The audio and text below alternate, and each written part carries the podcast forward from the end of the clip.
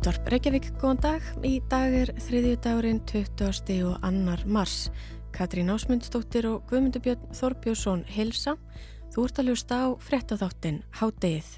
Volodymyr Selenski fórseti Úkrænu eitrykkaði í gærað fundur millir sín og Vladimir Putin Rúslandsfórseta sé fórsenda þess að einhver árangur náist í friðarviðræðum millir Úkrænu og Rúslands.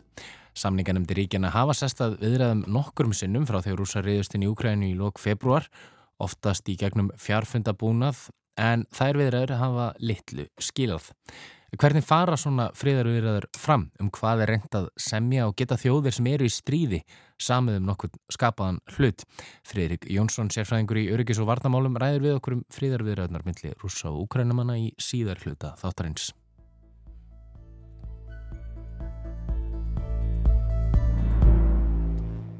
En við byrjum í Myanmar. Herin í Myanmar framti þjóðarmorð á Róhingjum. Er afstafa bandarækjastjórnar.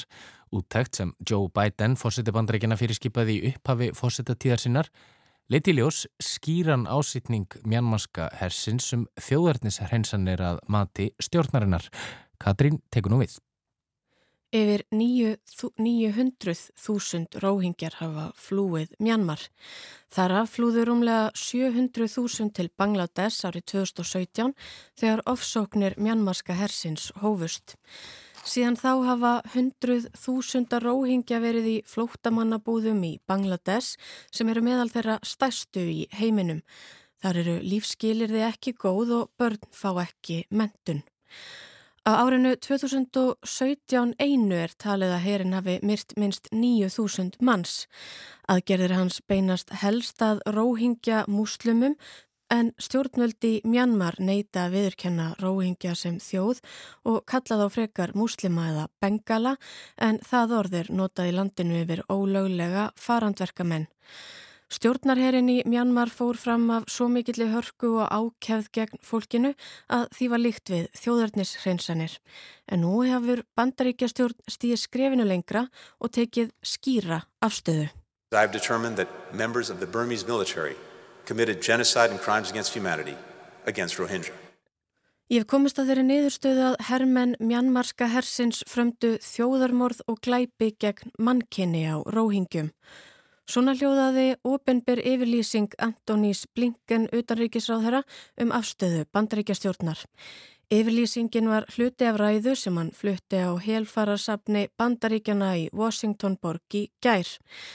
Þessa afstöðu tók stjórnin þegar niðurstöðu lágu fyrir í nýri úttækt á aðgerðum hersins í Mjanmar gegn Róhingjum árin 2016 og 17.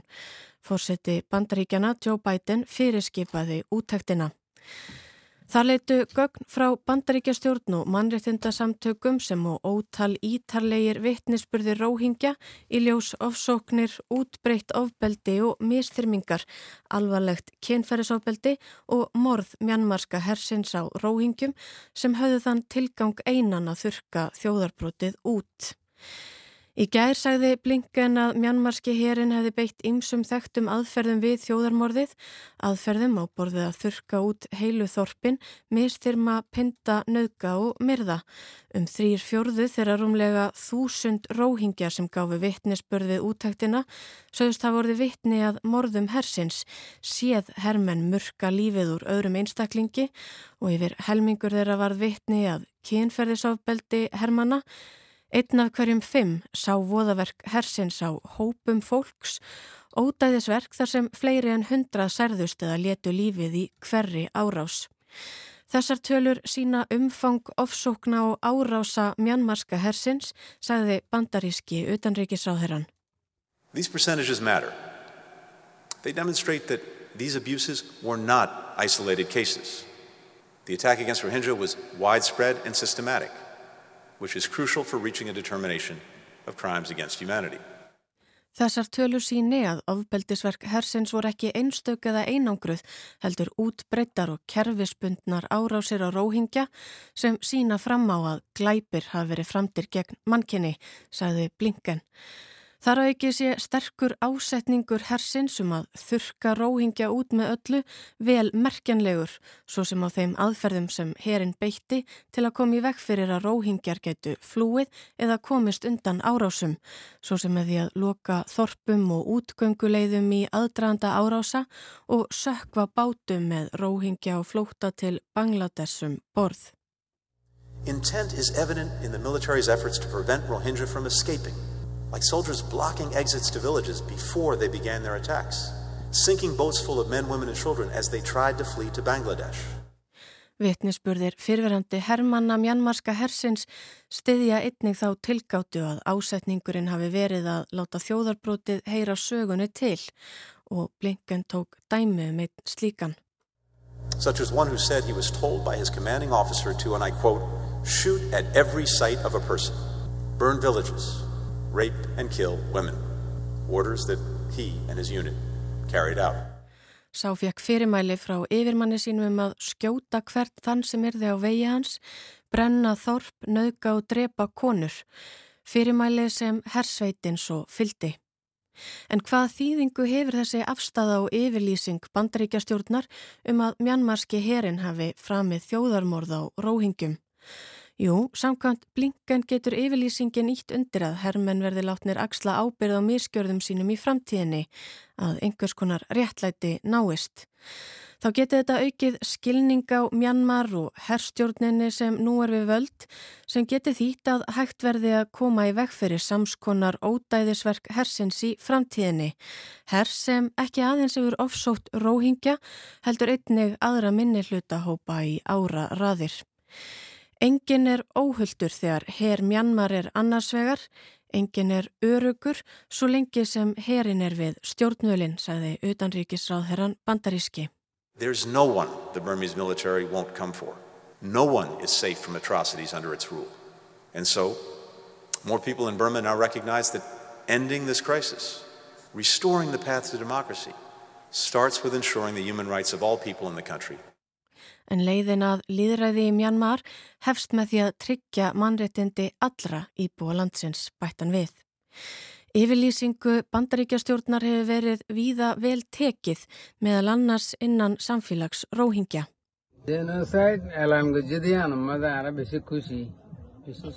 sem segjast margir gleðjast yfir því að loksins eftir 60 árið að svo af ofsóknum taki stórveldi afstöðu með þeim.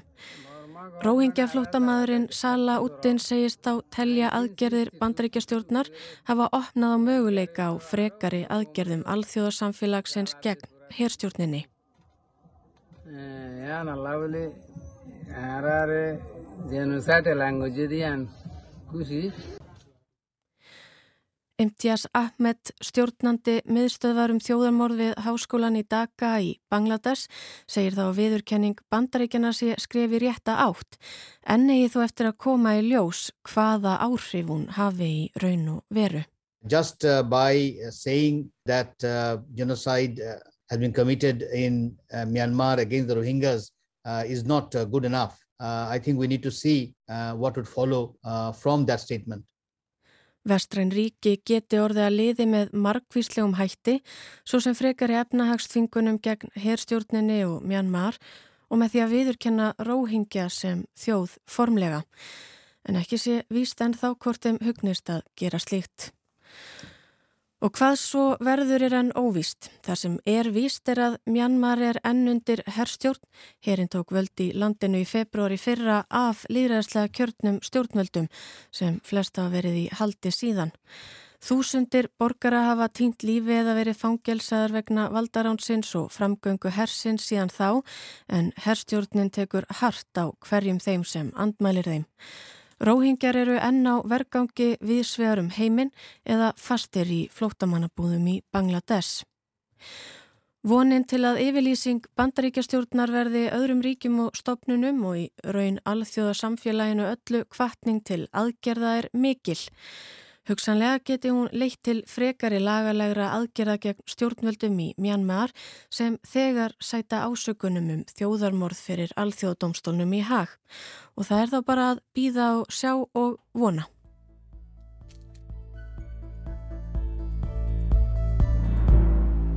og þá er í annað. Volodymyr Selenski, fósiti Úkrænu, hefur ítrekkað óskað eftir leðtóafundi með Vladimir Putin, fósita Rúslands og sagt að samningavirðaður sé eina leiðin til þess að binda enda á átökin. Selenski segist nú reyðbúinn að draga tilbaka umsóknum aðildað Allandshafsbandalagi en það hefur einn helst að grafa stjórnalda í Rúslandi að Úkræna gangi ekki í NATO. Að auki segist Selenski tilbúin að ræða framtíð Krímskaga sem rússar innlimuðu árið 2014 og Donbassvæði sem við heldur héruðin Donetsku Luhansk. En hvernig fara svona friðarviðrar fram um hvað er reynd að semja og geta þjóðir sem eru í stríði samið um nokkur skapaðan hlut?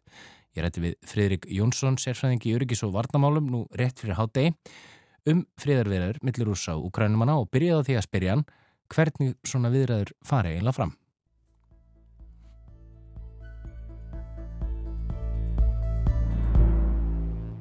Svona viðröðu fara fram í raun og veru nokkrum stöðum.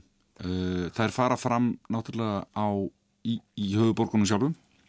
Það er undirbúningunni, það er fórsamtalið, milli, mögulega milli, já ef þetta væri eðlilegt ástand skiljur og þá væri kannski utaríkisar áðunetið í, í, í eðlilegar ástand ukrainsku utaríkisáðandi að tala við rúsneskan sendiherran uh, í Kíf uh, til þess að undirbúa og sama væri í Moskvu. Uh, ég held að það sé nú kannski örðut núna en það er allavega það er sambönd á milli samninga nefnda mm -hmm. svo maður segja sem er undirbúa eina formlegu fundi. Uh, síðan er náttúrulega hist á þessum fundum. Svo eru framhaldsfundur og ettir það sem eru sem uh, aðalsamningamenn hittast á formlegu fundunum jáfnvel uh, upp á þeim stað að það séu útverkisáðarinn sem hittust eins og var í Tyrklandi og, og síðan eru allir þessir, allir þessir aukafundir það sem eru ótt farið og ég vil búið að brjóta upp uh, það sem verið að semja, uh, semja um í, í, í smærri hólfiða kapla mm. um hvað snúa, snúast mögulegi fyrirðarsamningar, hvernig á að leysa þetta vandamál og hitt vandamálið ef það er brotið upp í til dæmis í tilfelli Úkrænu uh, staða Úkrænu sem mögulega sem hlutlaus ríkis, uh, staða Donbass, uh, staða Krímskaga staða annara svæða sem að rúsar hafa mögulega lagt undir sig. Eh, en líkilatrið í öllum svona samningavirðan til þess að nota klassískan frasa á lögfræðinu eru þess að viðræður að fara fram í góðri trú. Er raunverulegur samningsvilji og sáttavilji hjá báðum aðilum? Eða er, eru samningarnir e, sviðsettir e, með önnur markmið í huga? E, hver eru þau önnur markmið Það nú til dæmis eru það hérna í ákveðin almanna tengsl, uh, það er það að láta líta út fyrir að þú sért, uh, þú sért vilju til sátta, þú sért vilju til þess að finna friðsanglega lausna þessu deilumáli.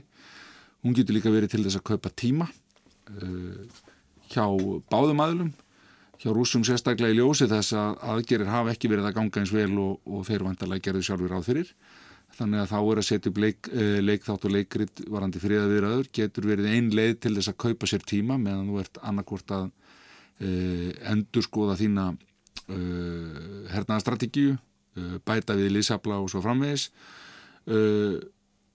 Einhver geti vonað að kannski værum en að sjá ljósið að eina leiðin er að komast að einhver niðurstöðu. Þá sé betra semja meðan þú hefur ert að beita gagnaðilan þetta miklu þrýstingi eins og verið er að gera eins og rúsar eru þó að gera Uh, frá úkrænumönum sömu leiðis uh, þetta er ákveðin leið til að kaupa tíma mögulega til þess að reyna að hafa áhrif á anstæðingin að hann þá kannski haldi aðeins aftur af sér af því að það er verið að semja um einhverju hluti sem þeir voru, uh, sem þeir voru að reyna að sækjast eftir hvort þið er En þegar þú talar um, tala um sko leik þátt þarna, eh, Selenski, Ugrænfórsti, hann, hann er til dæmis sko, mjög ómyrkur í máli gegn stjórnundum í Rúslandi og rúsnarska hernum og en svo þegar tala best að friða viðraðunum, eh, þetta, þetta kannski skýtur svolítið skökku við þegar maður fylgist með það, já það er, það er gangur í friða viðraðum, við þurfum að semja, við þurfum að ná samkómulegi um, og hann talaði til dæmis um að það verði ekki geðfelt að þurfa að gera það en það verði nöðsynlegt. Er einhver möguleiki á að hann geti samið við rússa, ég menna rússarnir vilja Donbass, þeir vilja, þeir viðkenni vilja Úkræna viðkenni eh, Krímska sem hluta af Rússlandi. Mm -hmm.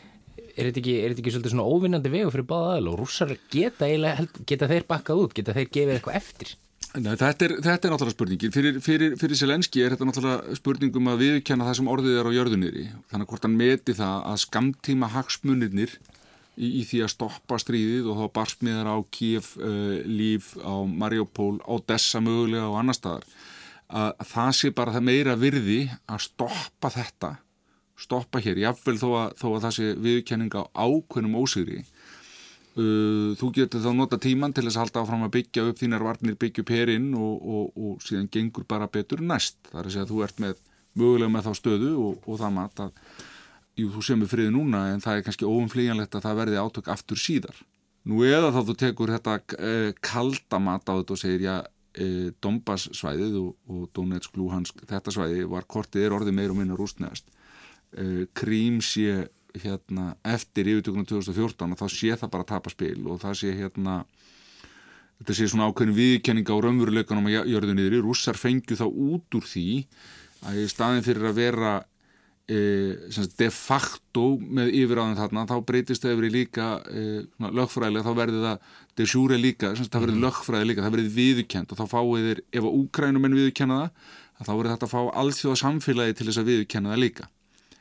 E, en við verðum svona líka að horfa á það hvað hefur gerst á undanförnundugum eitt af því er til dæmis e, það, það að rúsar er að verða búinur að loka landleginni frá Krímskaga að Rúslandi uh, norðan megin við Asófhafið áhrifin sem það ef að úkrænumenn viður kenna þá yfirtöku og það landnám uh, þá breytist Asóf úr alltíða hafsvæði í rúsnest innhaf með tap á aðgengi út á Svartahaf frá Mariupól sem er mikilvæg hafnarborg. Jáfnframt líka aðgengi þar að, að, að hérna, mögulegum náttúruöðlundum á, á, á botni Asófhafs Þetta horfum við síðan líka á vestanmegin með mögulega árás uh, á Odessa og yfirtökuna á, hérna, á strandlenginu frá Rúmeníu aðkrimska, ef rúsar alltaf ásælast það líka, þá lokar Úgræn, aðgangi Úgrænu algjörlega að svartahafinu og Úgræna verður landlugt ríki.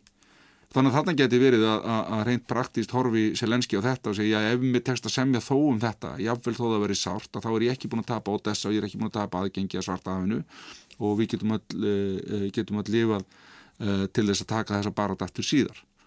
Ég hins vegar hef ágjur að því að, að, að sérstaklega Rúslandsmegin að þá séum menn ekkert að semja í góri trú. Menn eru að kaupa sér eitthvað tíma, menn eru að setja upp þarna ákveðin leikþátt var hann haft eftir, var það ekki franska auðrækisáþrann, hann mistið út úr sér að hann hefði enga trú á því að þessir, -huh. þessar samlinga viðræður væru til eins eðan eins uh -huh.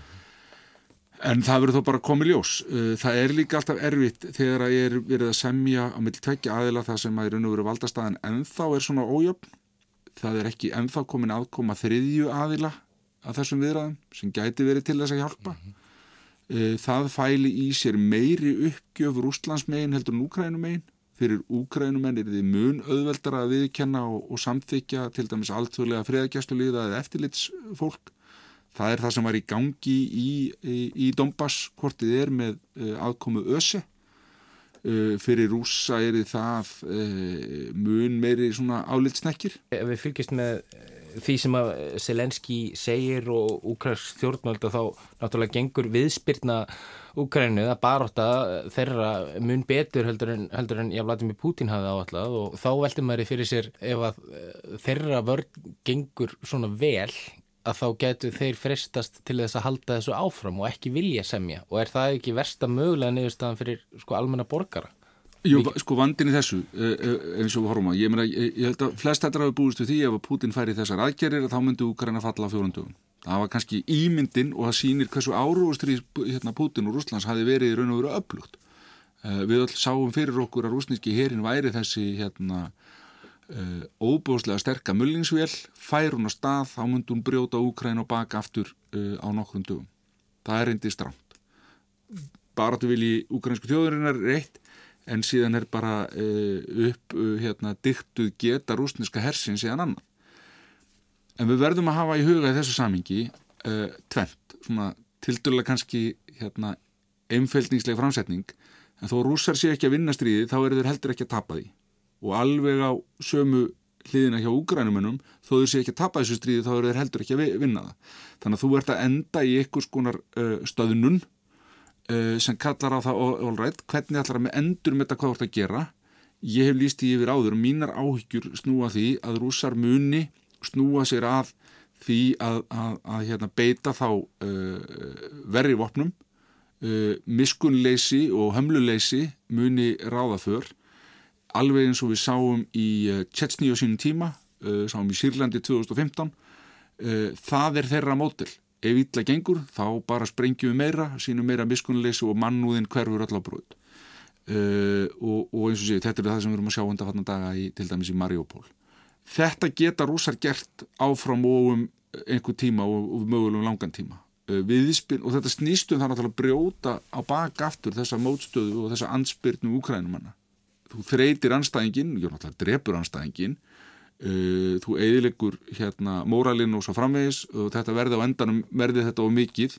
Þannig að Mm -hmm. þráttir allan þinn baráttu hug og baráttu vilja þá end, endar þetta með því að þú ert brotin á bakaftur En, en sko nú, nú fær Úkræna gríðanlega stuðning uh, í formi vopna og fjárháslega stuðning til dæmis frá Európa-sambandinu þannig að náttúrulega þessi, þessi árásrúsa gengur ekki eins, ekki eins vel og Putin að ætla sér. Uh, það eru tölur, við sjáum tölur eins og svona 10-15 þúsund rúsneski herminn hafi þegar fallið í Úkrænu Já, þeir mistu, virtist, virtist missa sjálfur frá sér upplýsingar um þess efnis í gær. Já sem var síðan eitt út. Og þetta er náttúrulega mikla tull það var talað um að það væri það, það hefði verið, já svona tæplega 200.000 hermenn komnir við landamærin áður en innrásin hófst. Og ef, að, ef að það eru 15.000 hermenn fallinir e, nú þegar eftir, eftir rúmar þrjáru vikur af átökum þá er þetta, ljósna þetta gríðalt mannfall fyrir rúsnarska herrin og þá veldur mér að fyrir sér getur hann haldið þessu áfram til lengdar? Já, þú, ert ekki komin í fjórar vikur og, og fréttur eru farnar að byrjast í því að mögulega er mannfall og, og særðir hjá þau komið upp 20% af heldar herraplanningunum það er ekki gott fyrir einn eða einn og svo sama tíma byrjast frettir að því að það verið að sækja liðsabla veist, til Sýrlands og Östur Sýberi og svo framvegist þannig að uh, þetta, þetta berðum ekki gott vitni. Við skulum bara segja það þannig. En enn og aftur þegar að þú leiðir herlið þar sem að um, vannverðing þín fyrir uh, mannslífum anstæðingsins er jafnlítil og römbur vitni og vannverðing fyrir lífi eigin fólks verðist vera jafn kæruleysislega og römbur vitni.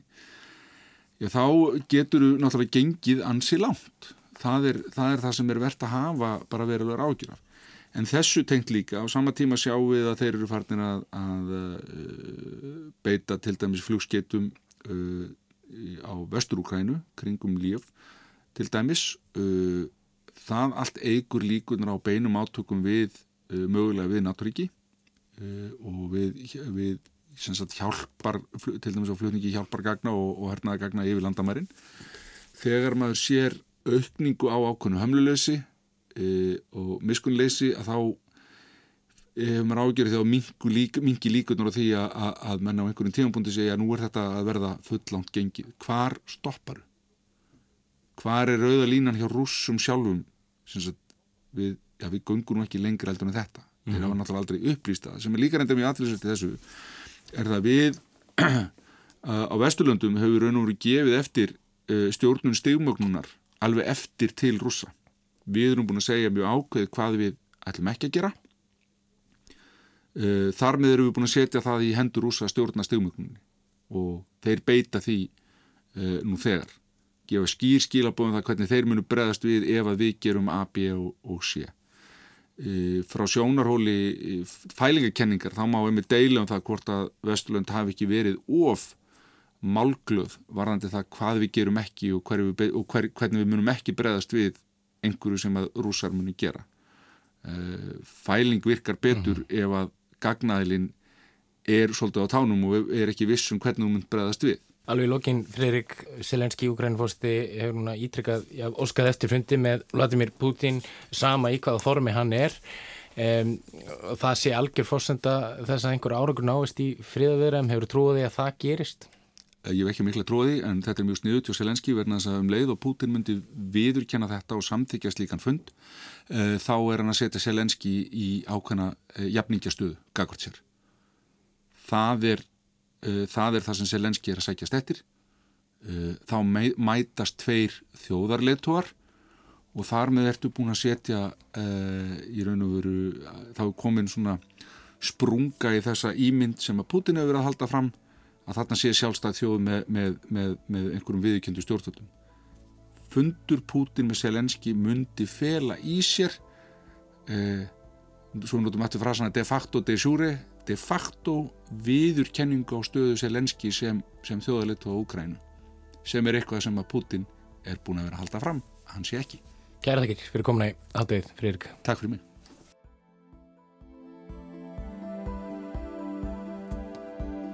Þetta var Fridrik Jónsson, öryggis og varnamálafræðingur en háttegið verður ekki lengra í dag. Við verðum hér aftur á sama tíma á morgun.